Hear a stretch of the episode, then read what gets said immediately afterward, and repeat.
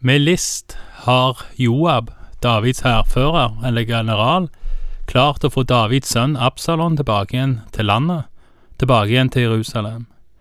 Og det kan for ei kort tid se ut som at det forholdet mellom far og sønn er godt. Men det skal dessverre ikke vare. Absalon, og som vi skal lese i første kongebok, Adonja, en annen av Davids sønner, de går begge etter Davids trone, mens faren, altså David, sitter på den. Som profeten Nathan hadde profetert, der er lite fred i Davids hus. Vi leser fra andre samarbeidsbok, kapittel 15, vers 1. En tid etter skaffet Absalom seg vogn og hester og 50 mann som løp foran ham. Absalom pleide å stå tidlig opp og stille seg ved siden av veien til porten. Når det så kom en mann som hadde en sak han ville føre fram for kongen og få dom i, kalte Absalom på ham og spurte, Hvilken by er du fra? Når han så svarte, Din tjener er fra den og den av Israels stammer, da sa Absalom til ham, Saken din er god og rett, men hos kongen er det ingen som hører på deg. Så sa Absalom, Bare de ville sette meg til dommer i landet, da skulle hver mann som hadde en trette eller en sak, komme til meg, og jeg skulle hjelpe ham til sin rett. Når noen gikk fram og ville bøye seg for ham, rakte han ut sin hånd og tok fatt i ham og kysset ham. Slik gjorde Absalom med hele Israel når de kom til kongen for å få dom, og Absalom stjal Israels menns hjerte. Her fremkommer det flere ting. Absalom skaffer seg vogner og soldater. Kanskje ikke så mye, men det er som en livvakt. Det antyder klart at han enten har en fremskrutt posisjon, ønsker å ha en, eller tror at han har en. Og så forsøker Absalon å ta kongens plass i porten og framstå som dommer. Absalon lager seg et navn, og han tar plass som dommer, og han snakker ned kongen og hans menn. Det er ille nok, og det som kanskje er enda mer merkelig, er at det blir på en måte tillatt av David og hans menn. At kongens sønn, så offentlig som dette, må ha fått lov til å snakke ned kongen blant folk såpass lenge, det er interessant. Og det er òg interessant å tenke på at dersom kongen hadde vært der, eller hatt sine egne representanter der, så hadde ikke Absalom kunnet vunnet seg den posisjonen som han gjorde. Det er klart at Absalon ikke skulle gjort sånn som han gjorde, men en kan òg snu på det. David var ikke nok på. David tok ikke nok plass.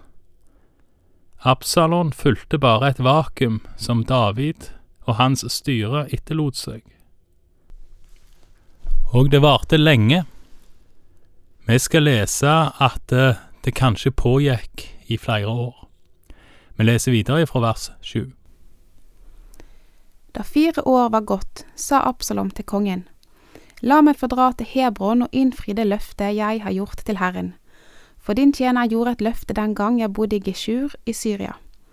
Da sa jeg, Fører Herren meg tilbake til Jerusalem, så vil jeg ofre til Herren. Kongen svarte, Gå i fred.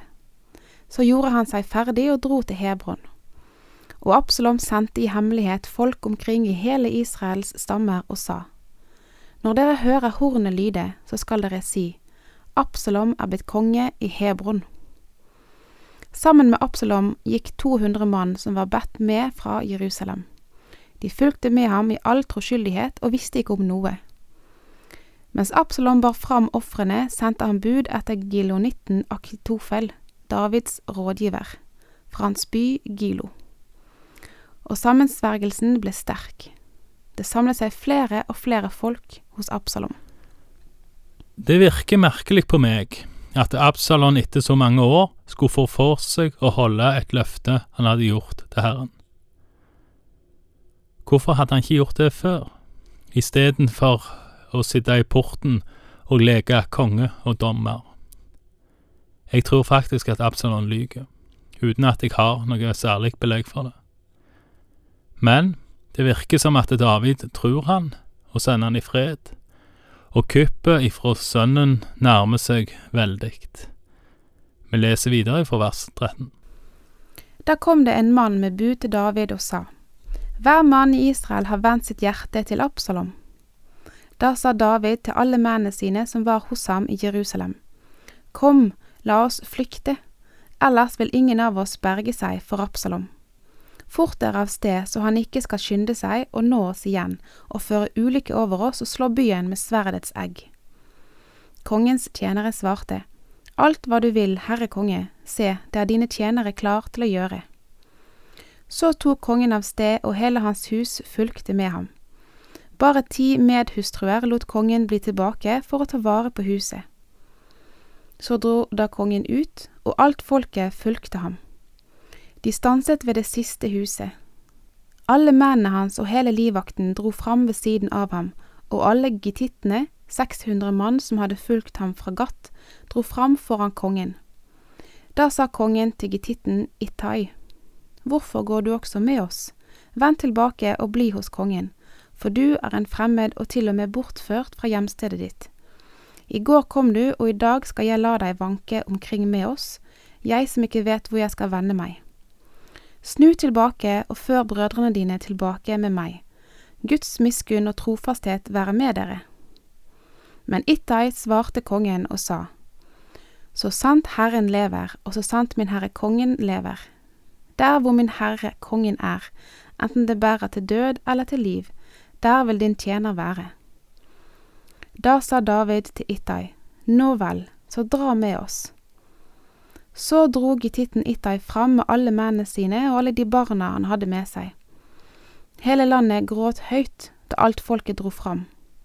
Kongen gikk over bekken Kedron, og alt folket gikk også over og tok veien bort imot ørkenen. Og se, da kom også Sadok og alle levittene med ham. De bar Guds pakts ark, og de satte Guds ark ned. Og Abiatar gikk opp, til alt folket var dratt ut av byen. Da sa kongen til Sadok, Før Guds ark tilbake til byen, finner jeg nåde for Herrens øyne, så fører han meg tilbake og la meg se den og dens bolig. Men dersom han sier slik, Jeg har ikke behag i deg, så er jeg her. Han får gjøre med meg som han synes. Kongen sa til presten Sadok, Er ikke du en seer? Vend tilbake til byen i fred. Din sønn Akimas og Abiatars sønn Jonathan begge sønnene deres, skal være med dere. Husk på at jeg vil dryge på moene i ørkenen til det kommer et ord fra dere med budskap til meg. Så førte Sadok og, og Abiata Guds ark tilbake til Jerusalem, og de ble der. Men David gikk gråtende opp etter Oljeberget med dekket hode og barfotet. Og alt folket som var med ham, hadde også dekket hodet og gikk gråtende oppover. David forlater sin egen by. Han forlater Guds paktark, eller rettere sagt, han sender den tilbake igjen. David, han går grinende med dekka hode, uten noe på beina. Han eh, krysser Kedronbekken og går opp etter Oljeberget, som ligger i skråningen av nettopp Kedrondalen. Mange år etterpå skal Jesus gå ei lignende rute ifra byen, over Kedronbekken, opp etter Oljeberget mot Golgata. For begge disse kongene blei veien over Kedron en vei mot lidelse. Vi leser videre ifra vers 31. Da David fikk bud om at Akitofel var blant de sammensvorne hos Absalom, sa han, Gjør Akitofels råd til dårskap, Herre. Da nå David kom opp til toppen av berget hvor han ville tilbe Gud, se, da kom arkitten Husai til ham med flerret kappe og jord på hodet. Og David sa til ham, Dersom du drar videre med meg, vil du bare bli til byrde for meg. Men dersom du vender tilbake til byen og sier til Absalom, Jeg vil være din tjener, konge, jeg har før vært din fars tjener, og nå vil jeg være din tjener så vil du gjøre Akitofels råd til intet for meg. Er også prestene Sadok og Abiatar hos deg der? Alt du får høre fra kongens hus, skal du melde til prestene Sadok og Abiatar. Og se, begge sønnene deres, Akimas, Sadoks sønn, og Jonathan, Abiatars sønn, er der hos dem. Med dem skal dere sende meg bud om alt det dere får høre. Så kom da Husai, Davids venn, til byen, og Absalom dro inn i Jerusalem. Her vil jeg si at David viser seg som den strategen som han var.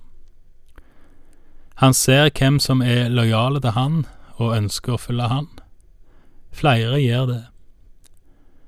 Men David nytter òg anledningen til å sende en spion og en femtekolonist like inn i sønnens midje. Arkitten Hussai skal både spionere og så splid med alternative forslag. Og prestene Sadok og Abiatar skal fungere som kurerer mellom Husai og David. Hvordan dette fungerer, får vi komme tilbake igjen til. Takk for i dag, og Herren være med deg.